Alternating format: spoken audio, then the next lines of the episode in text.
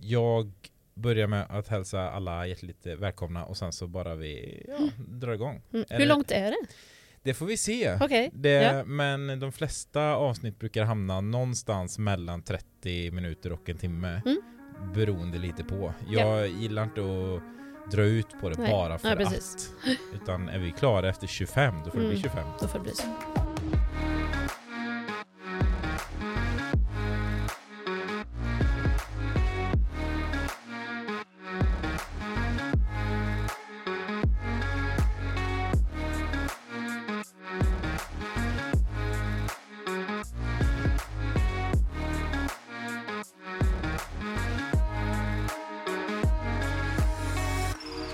Hjärtligt välkomna ska ni vara som tittar, ni som lyssnar och hjärtligt välkommen ska du vara Katarina Prick som är VD för Skövdebostäder. Välkommen hit!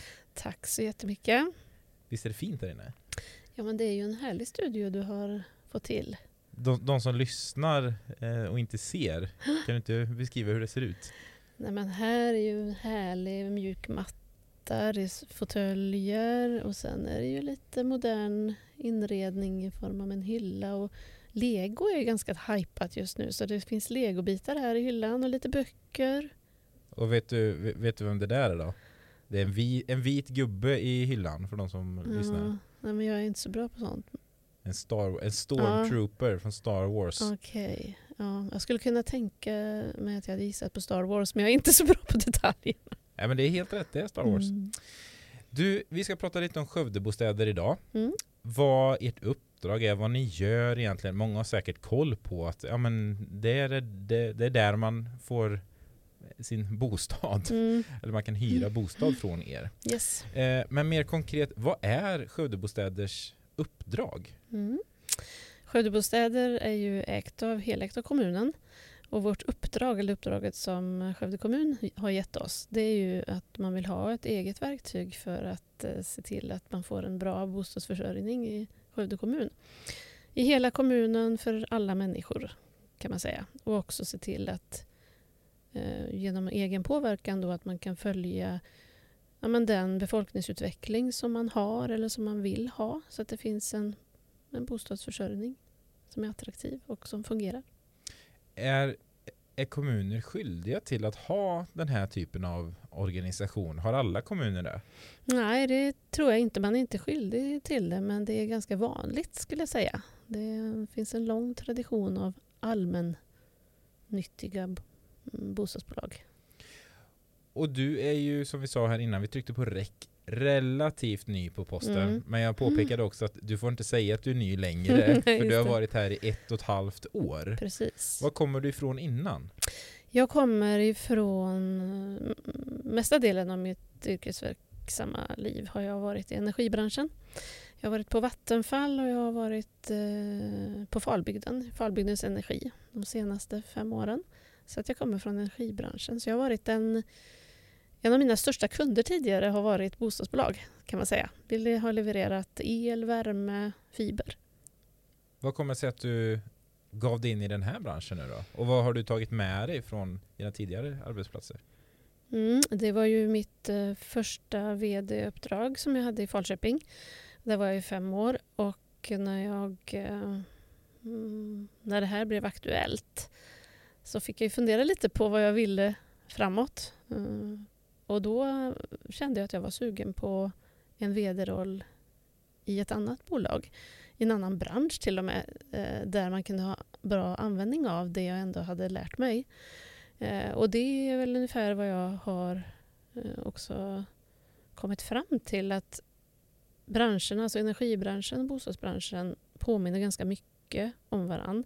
För det handlar om stora värden på stora anläggningar oavsett om det är, handlar om fjärrvärmeanläggningar eller elnät eller om det är fastigheter så är det ungefär samma eh, tänk.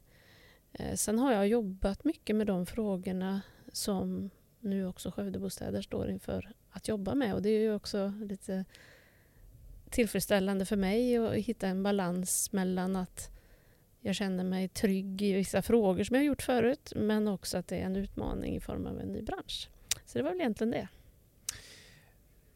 Och när du ändå bollar upp det, Mm. de frågorna som Skövdebostäder står inför, Mm. vilka är de? Nej, men det är ju många frågor, men alltså en het fråga och en väldigt viktig fråga är ju hela hållbarhetsarbetet. Och då tänker jag fram, och där ligger Skövdebostäder långt framme, men den ekologiska hållbarheten är ju en utmaning för oss, för oss alla. Och sen behöver vi ha växt ganska mycket och blivit en större organisation och därför så behöver vi titta på hur ska vi vara organiserade eh, och vilka funktioner behöver vi ha. Vi behöver jobba ännu mer med vårt inre liv så att säga med eh, alltså organisationsfrågor, HR, bitar, inköp. Från att ha varit ett, ja, men ett eh, mindre bolag till att vara över 100 anställda så kanske man behöver ha lite olika arbetssätt. Kollar man på er hemsida så Mm. är det mycket om just hållbarhet och ni har fått priser för det. Mm. Vad är det ni gör så bra? Och hållbarhet är ju ett sånt vitt och stort begrepp. Vad är hållbarhet för er? En, en tvåstegsraket den här frågan. Mm. Om man börjar från grunden då, så alltså hållbarhet, vad är det? Ja, men det är ju, handlar om saker och att någonting ska hålla över tid. Eh, det ska inte vara kortsiktigt, det ska vara långsiktigt eh, och det ska funka över tid. Eh, Och jag kan Alltså man brukar dela in hållbarhet i tre olika aspekter. Social, ekologisk och ekonomisk hållbarhet. Och jag tänker att ett bostadsbolag som förser människor med deras bostad och deras hem, där ligger hållbarhetsfrågan väldigt, väldigt nära. För om man tänker, Eh, och då, då kanske man kan börja med den sociala hållbarheten som handlar om att jag ska ha någonstans att bo, jag ska känna mig trygg där jag bor, jag ska trivas. Det är en väldigt bra grundförutsättning. Så den sociala hållbarheten är väldigt eh, fundamental tycker jag i ett bostadsbolag. Den är så naturlig och då kan man också se, det kan jag jämföra med min tidigare bransch, att eh, bostadsbolag jobbar ju mycket mer med den sociala hållbarheten för den är så naturlig och den, den är en så viktig komponent när man jobbar med människors hem. Så att eh, i huvudsak proaktivt arbete att se till att saker och ting funkar, att människor trivs, att vi inte får störningsmoment, att vi inte hamnar i att någon inte kan betala sin hyra och, och så vidare. Eh, Så det är väldigt mycket förebyggande arbete. Ekonomisk hållbarhet skulle jag säga att det jobbar alla bolag med. Och det är också ett ganska vitt begrepp. Men det handlar ju om att det du investerar eller köper det ska hålla över tid och det ska vara klokt och genomtänkt. Du ska ha en sund lönsamhet och du ska underhålla och reinvestera i dina fastigheter och så vidare. Och så vidare. Och den ekologiska hållbarheten då, som ju handlar om vår miljö helt enkelt och ytterst nu då vårt klimat skulle jag säga, som då hänger ihop med koldioxidutsläppen. Helt enkelt titta på hela verksamheten. Hur kan vi släppa ut så lite koldioxid som möjligt? Du pratade om att hyresgästen, hyresgästerna ska, ska trivas. Mm. Det är ju så himla individuellt tänker jag vad det är som gör att man trivs. Mm. Det känns nästan som en omöjlig uppgift. För någon kanske det är att ha ett snabbt bredband. För någon annan ska det vara väl ljudisolerade fönster. Jag menar hur, hur tacklar ni det? Det är så himla individuellt. Ja, det är det ju. Alltså det, det grundläggande är väl ändå ganska eh, gemensamt. Man vill ha en bra standard och saker och ting ska, ska fungera. Men visst är det så att man har olika, olika behov, absolut. Eh, och hur vi tacklar det, men jag skulle vilja säga att eh, det handlar ganska mycket om bemötande och vissa saker kan man tillmötesgå, vissa kan man inte. Men det handlar rätt, väldigt mycket om kommunikation skulle jag säga. Att ta alla frågor på på allvar och bemöta dem oavsett om man kan tillmötesgå eller inte. Och sen tror jag att en hel del ligger i att jag menar, du väljer ju själv din lägenhet. Du står i kö, du gör ett aktivt val att flytta in hos oss och då har du, gör du ju själv din bedömning att här tror jag att jag kan trivas. Sen i de allra flesta fall fungerar det, ibland gör det inte det. Eh, de som bor i era lägenheter, eller det är inte bara lägenheter. Om vi, om vi tar det först. Mm. Vilka är det ni hyr ut till och vad är det för typ av lokaler? Mm. Nej, men, eh, I huvudsak, och, mm, till största del så handlar det om, om hyreslägenheter där man bor. Sen i de hus vi har så förekommer det ibland att det är någon lokal i bottenvåningen där det är en verksamhet. Eh, så det har vi några också men det är en väldigt, väldigt liten del av vår verksamhet.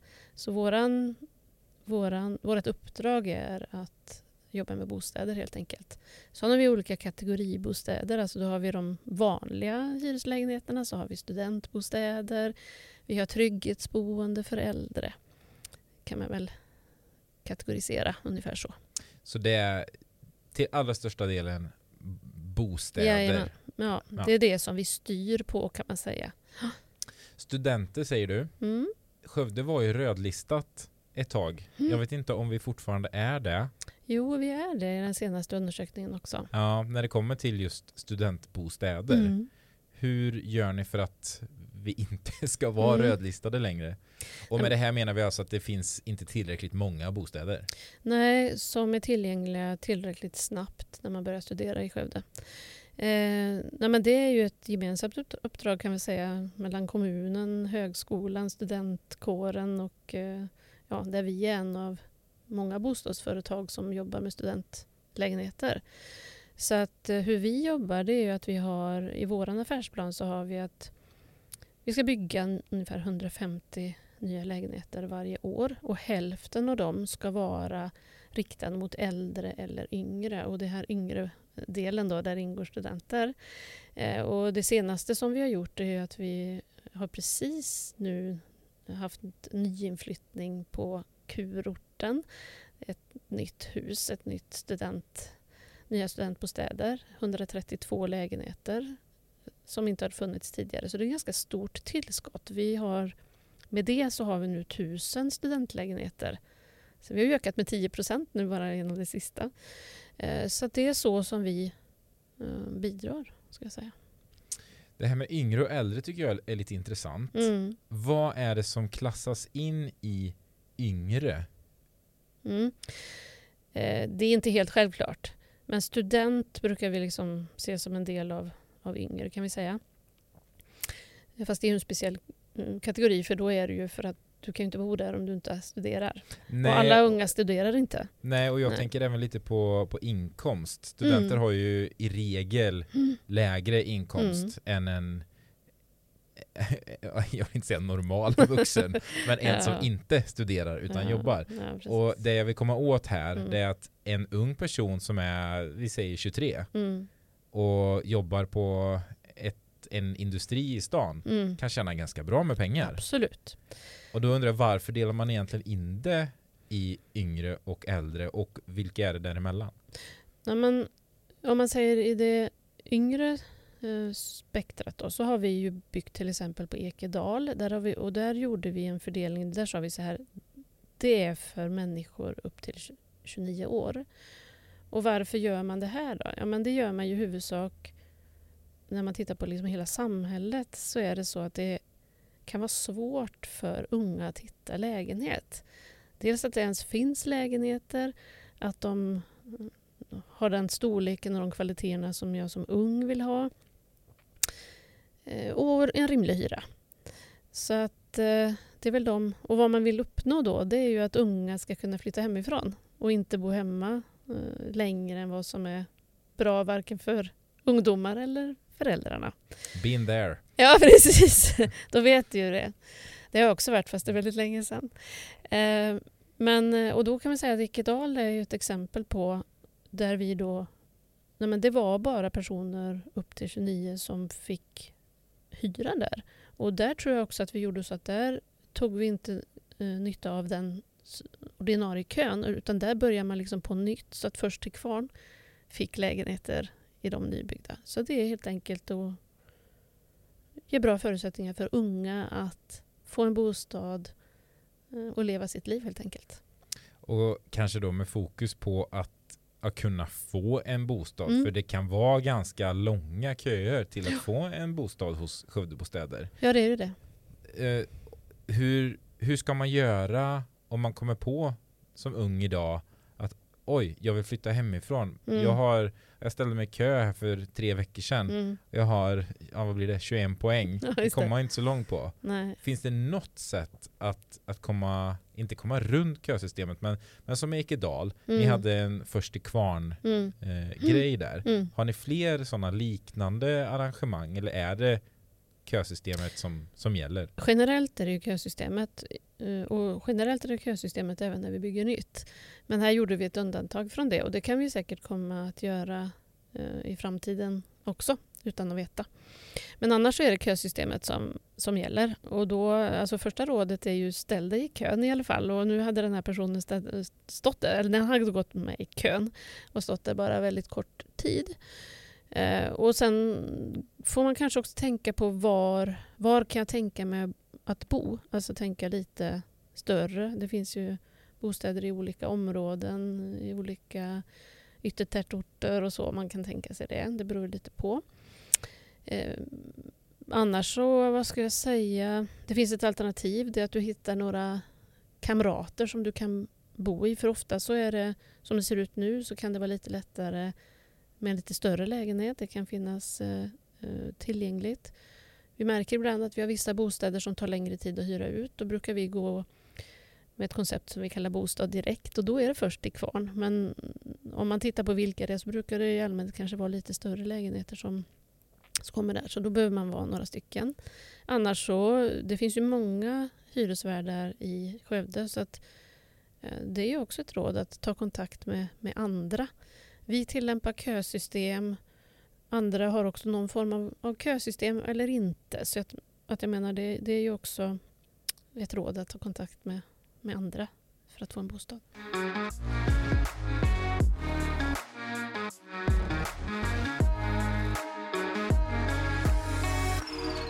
Ung som, som gammal eller äldre, Mm är de som bor hos er nöjda generellt? Kanske lite ledande fråga. Ja, alltså jag är ju helt fascinerad av hur nöjda hyresgäster vi har. Jag som kommer från en annan bransch som, där man inte är så bortskämd med så nöjda hyresgäster eller så nöjda kunder.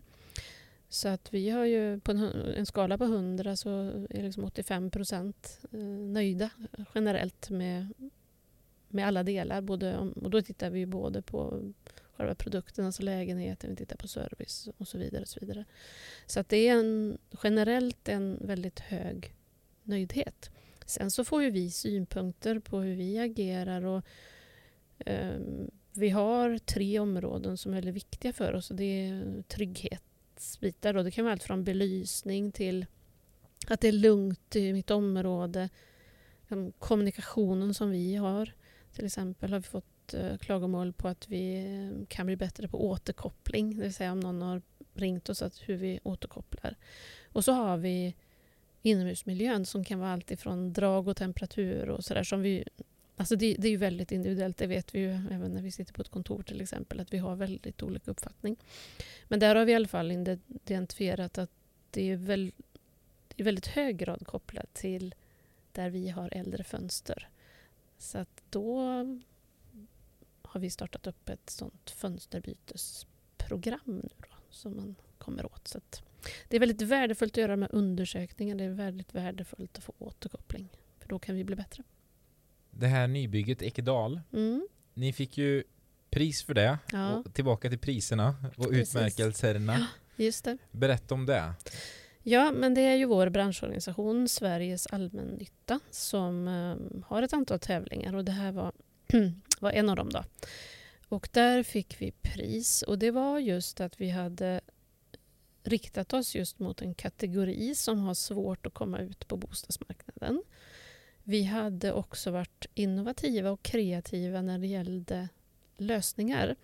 Alltså, och då handlar det om att vara det man brukar kalla för yteffektiv, alltså få in så mycket som möjligt på så liten yta som möjligt för att eh, också kunna ha en rimlig hyra. Vi, eh, Vad kan det vara för saker? ja, men det kan vara till exempel att vi har inte, här har vi inte tvättmaskin i varje lägenhet för vi gjorde enkäter och undersökningar innan och kom fram till att nej, men det är inte superviktigt för många unga att ha det. Och då gjorde vi istället så, då funderade vi på, aha, ska vi ha källare då och, och ha det där? Nej, men källare blir relativt dyrt. Eh, men tvättstugan skulle man kunna ha på vinden. Så så gjorde vi och då blev det också ett eh, socialt utrymme med tvättstugor på vinden. Så det är Jaha. ett exempel. Så man, man åker inte ner till tvättstugan, man Nej. åker upp till tvättstugan? Okej. Och det är en trygghetsaspekt i det. Det känns tryggare att åka upp än att åka ner och du har, kan ha bättre belysning och fönster ljusinsläpp och så. Eh, och sen så eh, en gemenskap där. Och då kan du använda själva lägenhetens yta till annat. Och det behövs ju inte lika många tvättmaskiner såklart. Så det blir billigare. Vad var det mer ni gjorde som var bra då? För ni fick ändå årets bästa nyproduktion. Mm. Jag menar, det måste varit ganska många om budet så att säga. Ja, nej men det är det. Jag- Nej men det var just de här, alltså att vi hade olika typer av bra lösningar och det kring eh, bra cykelförvaring och ändå att vi tänkte till på materialvalen så att det ändå skulle vara en bra standard. Men vi gjorde också, jag tror det var badrummen som vi modulbyggde innan och bara monterade på plats. Det är också en, en kostnadseffektiv sak som som man inte som hyresgäst märker av egentligen. Så jag tror att det var hela tänket där att anpassa efter en em, kundgrupp helt enkelt. Jag har varit inne i dem själv. Mm. De är jättefina. Ja, de är det. Eh, det var visserligen två, tre år sedan. Mm. Men, eh, men ändå. Mm. Eh, de har väl inte förändrats jättemycket sedan dess. Nej, så att, de eh, de är säkert fina. Ja, fortfarande. Ja. Och det kan man se, där har vi en fantastiskt bra nöjdhet, de som bor där. Vad Så det är kul. ett väldigt lyckat, lyckat eh, projekt som ägde rum innan jag började men som jag har fått eh, ta del av och läsa på och höra mycket gott om. Ser ni någon förändring i hur folk vill bo och vad som är viktigt för dem? Du var lite inne och tassade på det här förut. Mm. Är det samma sak som är viktigt? Nu har ju inte du varit i just Nej. exakt den här branschen så länge. Nej. Men är det någonting du har hört eller märkt Mm. som, som har förändrats? Ja, men det är det ju. Och det har väl med olika saker att göra men saker och ting har ju ställts lite på sin spets under coronapandemin. Där vi har fått leva lite på ett annat sätt och upptäckt nya saker. Vi eh, kanske kommer att jobba mer hemifrån. Vi har upptäckt naturen eh, till exempel. Så att eh, det här med att titta på Ja, det finns ju också en trend att man inte behöver bo så stort. Alltså det är också en sån hållbarhetsaspekt. Alltså hur stort behöver jag ha det? Eh, och då kanske vissa saker kan vara delade. Alltså den här delningsekonomin, att ha gemensamma... Vi har cykelservicestationer till exempel där du kan... Alla behöver inte ha sin cykelpump och sin reparationssats liksom, utan det har vi en i ett område till exempel. Eh, så att, mm, och det går att göra mycket mer av sådana delningstjänster. Vi, vi tittar på, utan att ha liksom bestämt någonting, så tittar vi på vad är det som vi kan flytta ut i ett område. Det kan vara paketutlämningsboxar, alltså det kan vara många saker. Och det är ju också för att minska våra transporter. Alla behöver inte gå till något utlämningsställe utan leveransen sker närmare där, eh, där du bor. Så det är väl några saker. Och sen så har det ju varit så, apropå det här med äldre och yngre, så har vi ju kanske i samhället velat dela upp människor mycket ut efter ålder. Och... Är det bara bra? Nej, det var det jag skulle komma till. att Det är inte säkert. Eh, för att det har gjorts en del studier och om man intervjuar både unga och äldre så vill man ju bo ganska blandat. Eh, I alla fall i ett område. Det är möjligt att eh, våra trygghetsboende för äldre med extra trygghetsfunktioner, men det kanske ska vara ett eget hus men det kanske ska ligga en förskola bredvid eller det kanske ska ligga ehm, ett boende för, för yngre bredvid. För det är ju också en trend att vi ska inte dela in oss så mycket som vi har gjort. Oavsett på vilka grunder vi delar oss så att säga. För man pratar ju om trygghetsboende. Mm. Ja, Är det 55 plus? Nej, Trygghetsboende är, ja, det är lite olika men, men vi håller på att se över det och som vi tänker nu så är det 75. 75 plus. Ja, precis. Eh, så att... ehm, 65. Är det 65? 65. Eh, nej men trygghetsboende är 65 plus. Vi håller på att se över de där eh, reglerna för att se vad är den bästa eh, gränsen. Men tanken är ju då att som ett trygghetsboende, dels är det en ålder, eh, hur gammal du behöver vara för att kunna flytta in där. Men där har vi också, det är ju vanliga lägenheter med extra tillgänglighet. Alltså du ska kunna komma in med rullator och rullstol och, och, och så. Men sen har vi också några extra personer anställda där, trygghetsvärdar som du kan kontakta på plats. Så det är egentligen det som är trygghetsboende. Om vi cirkulerar tillbaka till frågan då. Vad, eller ursprungsfrågan. Mm. Vad är det som är viktigt för folk idag i deras boenden? Eller viktigast? Ja, men jag skulle säga att eh, ehm, standarden på boendet, alltså funktionen, det är klart att den är viktig. Och trygghetsfrågan. S- det sociala också. Alltså det, ehm, det är många ensamma idag. Eh, så den sociala aspekten är väldigt viktig. Och standarden, jag menar det är klart att Ekedal har en högre standard och är fräschare än ett hus från 80-talet. Mm. Får man renovera sin lägenhet själv om man skulle vilja? Eh, Man får det inom vissa ramar så att säga. Eh, Vi har ett program kan man säga på vad man kan byta ut och vad man kan eh, göra. Eh, allt ifrån ja, men egentligen de viktigaste funktionerna i, ditt, i din lägenhet. Eh, så det kan du göra. Och om det är så att det är lång tid kvar till vi bedömer att det här behöver göras, då kan du få en liten kostnad. Den är väldigt låg. Mm, ett tillägg på din hyra. Så då, men då kan du ändå göra det. Men om det är så att vi bedömer att ja, men det här behöver göras inom en ganska snar framtid, då gör vi det utan extra kostnad. Så att det, jag tycker att vi har ett väldigt generöst och väldigt bra system som också ger ganska mycket valfrihet i det. Att du själv kan välja din standard eh, och så vidare. Men vem är det som bestämmer när någonting ska göras då? För jag tänker ett parkettgolv till exempel. Mm. Jag menar det håller ju Mm. jättelänge. Men, men det kan ju bli mer eller mindre slitet. Mm. Jag kanske tycker att men, det här är ju det här borde vara dags att byta. Mm. Och sen så kommer någon från Skövdebostäder och säger att Nej, men det här har bara legat in i 15 år. Ett Mm. parkettgolv håller i minst 15 år till. Nej, men det är viktigt att man inte bara går på år där utan man tittar på, det beror på vem som har bott där och hur man har skött det. Så att det handlar, handlar mer om funktionen. Du kan ju hamna i att du får flisor i fötterna om du Ja, går då- på parkettgolvet. Då får man väl anse det som att det har gjort sitt. Ja, eller hur. Så att, och allt däremellan. Men vi är rätt så bra på um, att bedöma det och också ha en bra dialog um, med våra hyresgäster kring de där frågorna. Hej! Jag vill bara flika emellan med ett par ord. Först och främst, tack så jättemycket för att du har valt att titta och eller lyssna på den här podden. Ja, för den släpps ju både som videopodd på Youtube med bild och som renodlad podcast som du hittar på valfri poddplattform. Det gör mig faktiskt ja, men jätteglad att du tittar och lyssnar på riktigt. För att inte missa när det släpps nytt material, se till att prenumerera på kanalen. Antingen prenumererar du på Skövde kommuns Youtube-kanal eller så prenumererar du på podden i valfri podcast-app. På så sätt missar du aldrig när det släpps nytt material. Men nu, tillbaks till avsnittet. Det byggs ju väldigt mycket i Skövde och har gjort, gjorts under en ganska lång tid. Mm.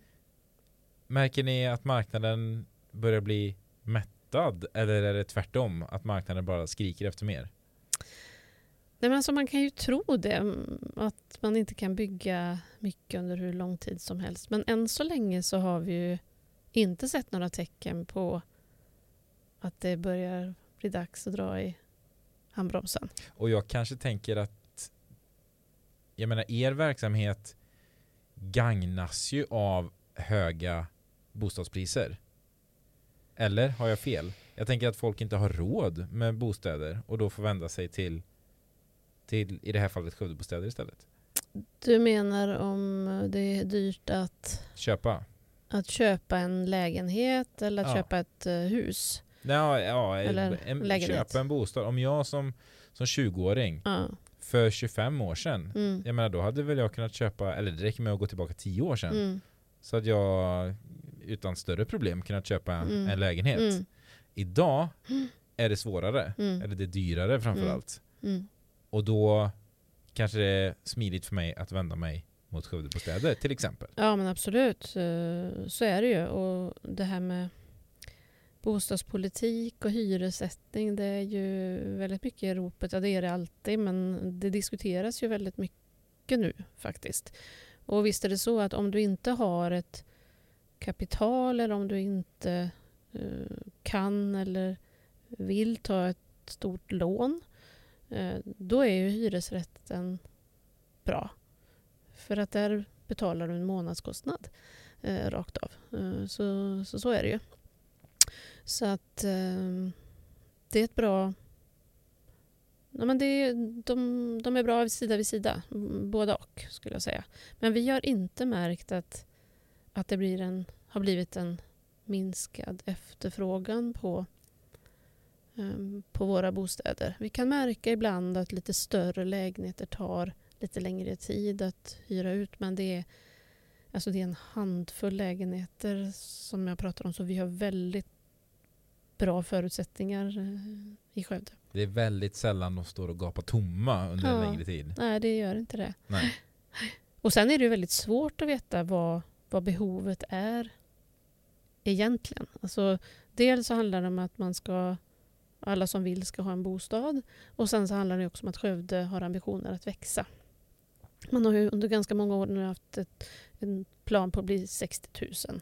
Så lite grann beroende på vad man gör för ansats där så behövs det också fler eller färre bostäder. Så det, det där är ju det är rätt så svårt att um, både anpassa sig till och analysera. Har ni något ansvar i det? Just att vi har 60 000 invånare som mål.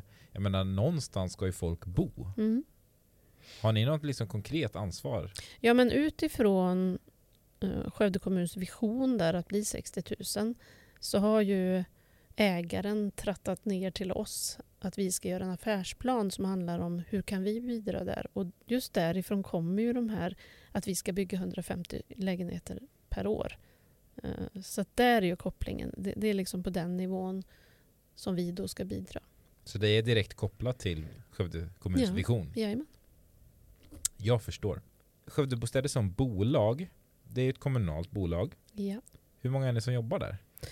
Vi är någonstans, jag har inte dagsnoteringen, men ungefär 110 eh, personer är vi. Och det är utspritt på vilka typer av tjänster? Ja, men alltså det vi har mest av det är ju ehm, personer som jobbar ute nära våra fastigheter. Så det är det vi kallar för kvartersvärdar som är kontaktpersoner och som också fixar i lägenheter och hjälper hyresgästerna. Eh, så det är de kvartersvärdar och sen också motsvarande fast som jobbar med utemiljöerna. Eh, våra miljövärdar som ser till att det är fina grönområden och ehm, rent och snyggt helt enkelt i utomhusmiljöerna. Det är ju 60-70 procent av våra medarbetare som, som jobbar med det. Sen är det olika typer av administrativa tjänster. Är ekonomi, marknad och, och så Som vidare. vilket företag som ja, helst egentligen. en bygg, bygg fastighetsutveckling. Eh, Nu glömmer jag säkert någon då. Så att, Ja, eh, vi behöver inte nämna Nej, varenda tjänst. Nej, men eh, precis. lite intressant att veta fördelningen mellan mm, eh, hur många som är på kontoret om man kan Precis. säga så. mm. Eh, och hur många som är, vad säger man, ute på fältet. Ja men faktiskt. Och som också är, är de som syns som märks mest skulle jag säga. Och som också bidrar till det där direkta att hyresgästen trivs och har det bra. Och nu när du har varit här i ett och ett halvt år då, Mm. ungefär. Hur känns det? Vad har du fått för intryck av Skövdebostäder som organisation? Nej, men jag har ju fått ett väldigt gott intryck. Alltså ett väldigt gott första intryck. Eh, Det är väldigt väl fungerande bolag. Det är kompetenta duktiga medarbetare. Det är en härlig atmosfär och kultur. Eh, väldigt hjälpsam, serviceinriktad. Eh, man blir välkomnad på ett fantastiskt sätt. Eh, så att eh, ett väldigt gott första intryck. Sen så har ju bolaget varit ganska mycket fokuserat på Ja, naturligtvis på sin kundnöjdhet och det har ju gjort att man har fått väldigt nöjda kunder. Men också på att nå det här, eller bidra till målet att vi ska bli fler i Skövde. Så vi har blivit ganska mycket av ett byggbolag och fokuserat mycket på nyproduktion. Nu behöv, och nu har vi fått upp ett väldigt bra arbetssätt kring det vilket gör att vi kan hålla det här tempot på 150 per år. För det är inte självklart. Det ligger mycket arbete bakom det. Eh, men nu behöver vi också se till, nu har vi växt och vi behöver också se till att vi jobbar med de här interna bitarna, alltså processerna, som jag sa förut, då, hållbarheten och eh, HR, personalfrågorna. Vi har startat upp, vilket är jätteintressant, vi driver ett kultur och värdegrundsprojekt nu där vi har workshoppar med alla medarbetare kring ja, men vad är det vi står för? Vad är det som är framgången? Alltså vad är det som är grunden till framgången som vi inte vill kompromissa på? Ja, men då har vi en workshop kring det och så då lyfter vi upp kanske tre begrepp då. Eh, och jobbar igenom det med alla medarbetare. Och sen så tittar vi på ja, men vad har vi som där vi skulle vara mm, hjälpta av någonting mer? Alltså vad skulle vi kunna förbättra eh, i vår kultur och i vår värdegrund för att bet ännu bättre kunna stötta den verksamheten vi, vi driver? Jag tänkte vi ska börja runda av här lite, mm. våran pratstund. Mm. Eh, det vi kan skicka med då som tips, om det nu är någon yngre förmåga som lyssnar, ställ dig i kö ja, hos Skövdebostäder och ja, tacka precis. oss senare. Ja, precis. Katarina, är det någonting mer du vill skicka med de som lyssnar och tittar? Nej, men eh, vi har ju pratat mycket om det här med kö och vi kanske mest har pratat om och det är också det vi får höra. Vi får så mycket positiva saker eh, om oss. Men det negativa är att vi har långa köer. Eh, och det är ju en viktig sak för oss att jobba med. Eh, hur kan man få de här flyttkedjorna? Men det är också viktigt att komma ihåg att vad är orsaken till att vi har en kö? Jo, det är att det ska vara eh, att alla ska kunna få en bostad. Alla kan ställa sig i kö. Det är en rättvis aspekt i det. Och det är det som är en av grundpelarna i allmännyttan. Det är i, i sann demokratisk anda. ja, precis. Ja men återigen, mm. ställ dig i kö. ja, precis. Katarina, tack så mycket för att du kom hit mm. och diskuterade lite ja, Skövdebostäder och eh, din organisation och hur ni jobbar och vad som är, är viktigt och ja, allt sånt. Mm. Tills vi hörs och ses nästa gång så får ni ta hand om er och du Katarina får ha en trevlig eftermiddag. Tack, önskar dig detsamma. Tack, tack. Hej då. Hej då.